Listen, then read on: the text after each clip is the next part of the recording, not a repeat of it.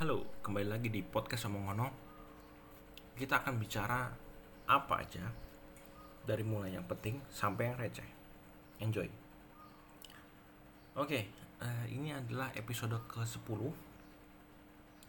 Eh, kita akan bicara soal dampak dari corona ini lagi masih tapi lebih ke em, bisnis atau usaha yang mungkin beberapa saya amati. Nggak semua. Yang saya tahu memang eh, ada dampaknya dan juga saya punya eh, informasinya. Oke yang pertama kita akan bicara soal yang negatif dulu ya yang ter- berdampak ke dampak negatif lah intinya. Jelas pertama adalah pariwisata. Dari mulai hotel sampai eh, bisnis penerbangan. Walaupun memang bisnis penerbangan di Indonesia eh, cuma dimonopoli oleh dua maskapai ya. Tapi tetap aja tetap berdampak. Dan untuk penerbangan ini nggak nggak nggak bisa dilepaskan dari eh, sikap seorang investor dunia bernama Warren Buffett yang kalau kalian belum tahu Warren Buffett silahkan di googling saya nggak mau jelasin karena terlalu panjang kalau dijelasin. Jadi intinya adalah men- melalui perusahaan investasinya Berkshire Hathaway eh, Warren Buffett melepas sejumlah besar kepemilikan saham di perusahaan penerbangan Delta Airlines which is menunjukkan bahwa Warren Buffett sedikit eh, mundur kepercayaannya terhadap eh, bisnis penerbangan di saat pandemi seperti ini. Karena re- ya mungkin realistis saja ya karena kalau misalnya banyak karena ini kan pandemi ini kan satu dunia jadi otomatis hampir semua eh, semua negara itu membatasi kunjungan warga negara asing. Yang yang jelas akan mengakibatkan pariwisata turun dan penerbangan juga otomatis banyak yang diberhentikan atau di apa ya pesawat-pesawat banyak yang parkir aja gitu. Nah hotel. Eh, saya nggak punya data real tentang hotel.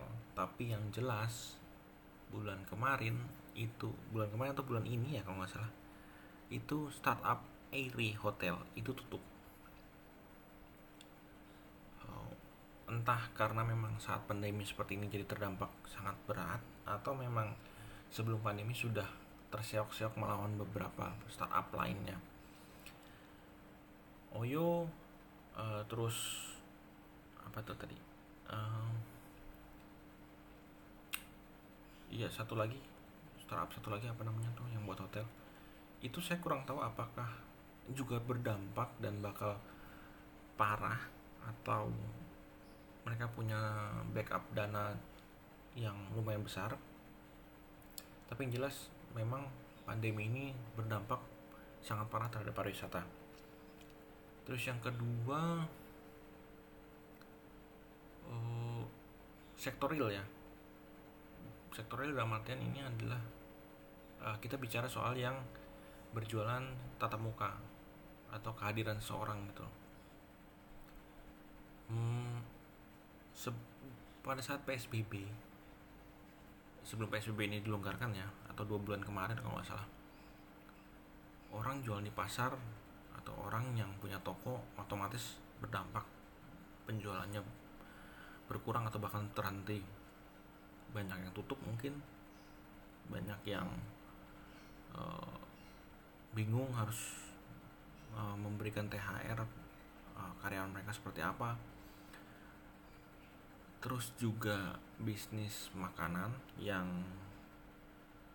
dine in ya yang tidak bersiap terhadap kemajuan zaman atau belum belum belum bersiap terhadap eh, yang intinya kalau yang saya tahu sih bisnis yang uh, modelnya udah kerja sama GoFood atau Gojek atau atau pesan antar gitu uh, nggak terlalu berdampak pasti. Pastinya nggak terlalu berdampak karena uh, sebelum memang sebelum sebelum pandemi juga kan memang model yang sudah kerjasama dengan an, jasa layan antar itu kan memang sudah kenceng ya. Jadi menurut saya model bisnisnya sudah seperti itu tidak akan terlalu terpengaruh. Turun pasti tapi tidak akan terlalu berpengaruh sampai bingung untuk uh, menggaji pegawai. Mungkin ya gaji pegawai tetap susah sih tetap cuman nggak akan uh, parah gitu. Nah yang model-model masih tag in eh tag in. Yang masih model-model uh, dine in itu berapa yang saya lihat sampai tutup loh sampai tutup. Ya bahkan belum lama ini Pizza Hut sendiri sampai turun ke jalan untuk jualan uh, ya apa ya jualan langsung ke pembeli di pinggir jalan gitu pakai mobil ingat zaman zaman Maici tau nggak tuh uh, zaman zaman Maici jualan di box gitu kan nah itu mungkin mirip karena memang mau besar mau kecil semua perusahaan yang yang uh, tadinya settle gitu ya dalam artian tenang-tenang aja pada saat pandemi seperti ini semua terkena gitu. Nah itu yang negatif ya. Hmm, terus yang positif kita akan bicara yang positif. Kebetulan saya punya teman uh, bernama Ines. Halo Ines. Tadinya um, saya mau menginkludkan menginkludkan me, me, menyertakan hasil rekaman uh, voice note yang saya lakukan saat tanya-tanya. Cuman karena saya juga nggak pinter edit jadi ya ya udahlah saya saya saya rangkum aja lah. Intinya begini. Ines ini punya bisnis. Sebenarnya model bisnisnya itu sudah lama dari 2000 berapa? 2000 berapa gitu. Uh, tapi mau dibuat menjadi so e-commerce atau bisa dibilang jadi startup ya hmm, baru beberapa bulan ini. Nah model bisnisnya dia itu menurut saya menarik karena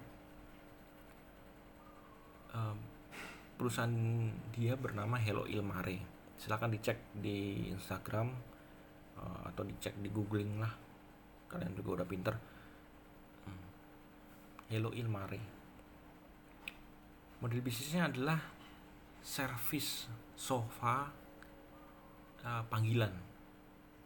Jadi uh, dia memanfaatkan Instagram dan Facebook mungkin ya Facebook Ads. Kalau nggak salah saya uh, Facebook Facebook ya Facebook Facebook jalan. Uh, untuk meng mengiklankan model bisnisnya dia. Dan menurut dia menurut Ines selama pandemi ini permintaannya tuh selalu ada aja bahkan cenderung naik. Which is uh, nggak semua startup akan collapse nggak semua startup akan kesulitan pada saat pandemi ini tergantung bisnis modelnya menurut dia. Menurut saya juga bener juga karena hmm, pada saat seperti ini tuh orang kecenderungannya adalah uh, lebih berhati-hati dan sehingga uh, mencari kemudahan uh, yang ya udahlah yang penting uh, pengennya stay di rumah aja tapi semua beres. Itu kan modelnya model-model kayak gitu. Nah model-model bis seperti Ines ini naik permintaannya selain memang sudah dirintis dari awal ya sudah dirintis lama uh, tapi tapi menurut dia memang naik gitu loh. Nah uh, saya sempat bertanya soal saat pandemi seperti ini terus gimana cara, cara promosinya? Uh, kebanyakan dilakukan dengan menggunakan Instagram Ads uh, uh, kemudian Facebook Ads segala macam model website juga. Uh, mungkin gini ya. Kunci dalam bisnis pada saat pandemi atau pada saat kondisi-kondisi yang tidak bisa kita duga seperti ini tuh kecepatan untuk beradaptasi. Dan bisnis model bisnis yang cepat beradaptasi kemungkinan pasti terberdampak tapi tidak akan parah gitu loh. Um, Ines juga punya informasi uh, soal beberapa startup yang yang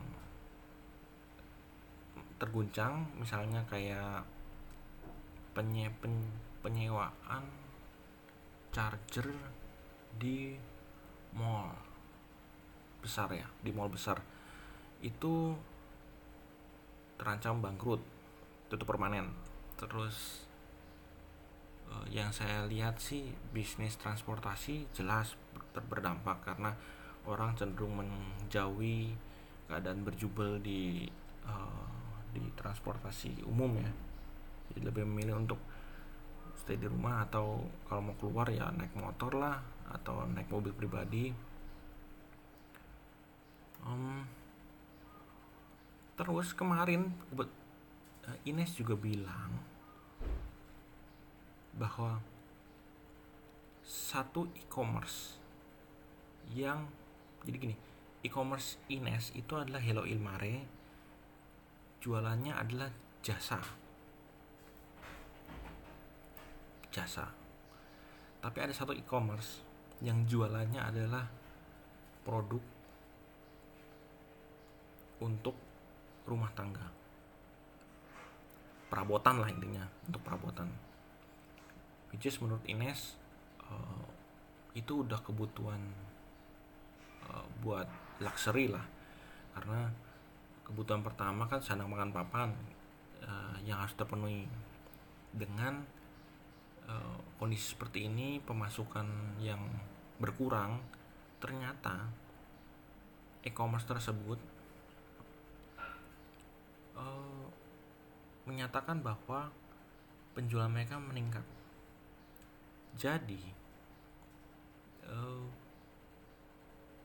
walaupun pemasukan berkurang spending mereka tetap masih ada aja yang spending intinya masih ada yang spending untuk hal-hal yang luxury gitu loh. Dan kalau dan kalau saya lihat di e-commerce tersebut harganya nggak murah loh. Harganya itu uh, ya sekelas sekelas IKEA lah.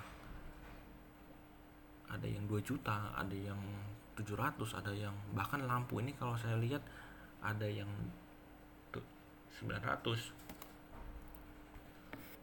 so emang emang ternyata tergantung bisnis modelnya. Tapi tidak tidak selalu bisnis model yang sama. Itu tetap berdampak juga. Karena nyatanya juga e-commerce ini juga tetap jalan. Bahkan mereka juga berhasil mendapat pendanaan selama pandemi ini yang mana menurut saya uh, wow banget. Menurut Ines juga wow banget karena uh, gila gitu loh. Di saat pandemi seperti ini ada yang mau menanamkan ke mereka dengan sifat barang yang luxury gitu loh. Kalau kalau startupnya modelnya kayak buat makanan atau atau sandang gitu ya ya oke okay lah gitu. Masih masih masuk ke dalam kebutuhan primer. Tapi ini kan untuk luxury jadi cukup cukup wow lah. Oke, terus uh, sekali lagi podcast ini uh, ngangkat perusahaannya Ines, Hello Ilmare, silahkan dicek. uh, dia adalah satu-satunya yang pertama uh, model startup atau e-commerce yang nanti nah, e-commerce untuk servis sofa pertama di Indonesia. Wah gila, bangga, bangga men. Nah, oke. Okay. Um, sudah 15 menit. Terima kasih yang sudah mendengarkan. Kita sih berharap agar pandemi segera selesai, segera kelar lah. Intinya, semoga bisnis-bisnis yang tadinya terseok bisa survive, bisa jalan lagi ketika pandemi ini selesai. Oh, gini nggak usah nggak usah pulang mudik dulu lah gitu. Kita tahan dulu karena biar cepet-cepet selesai gitu kan. Buat yang udah pulang ya ya jaga kesehatan kalian lah. Oke uh, terima kasih yang sudah mendengarkan. Uh, kita akan ketemu lagi di episode selanjutnya dengan bahasan lainnya dari mulai yang penting sampai yang receh sekali lagi. Bye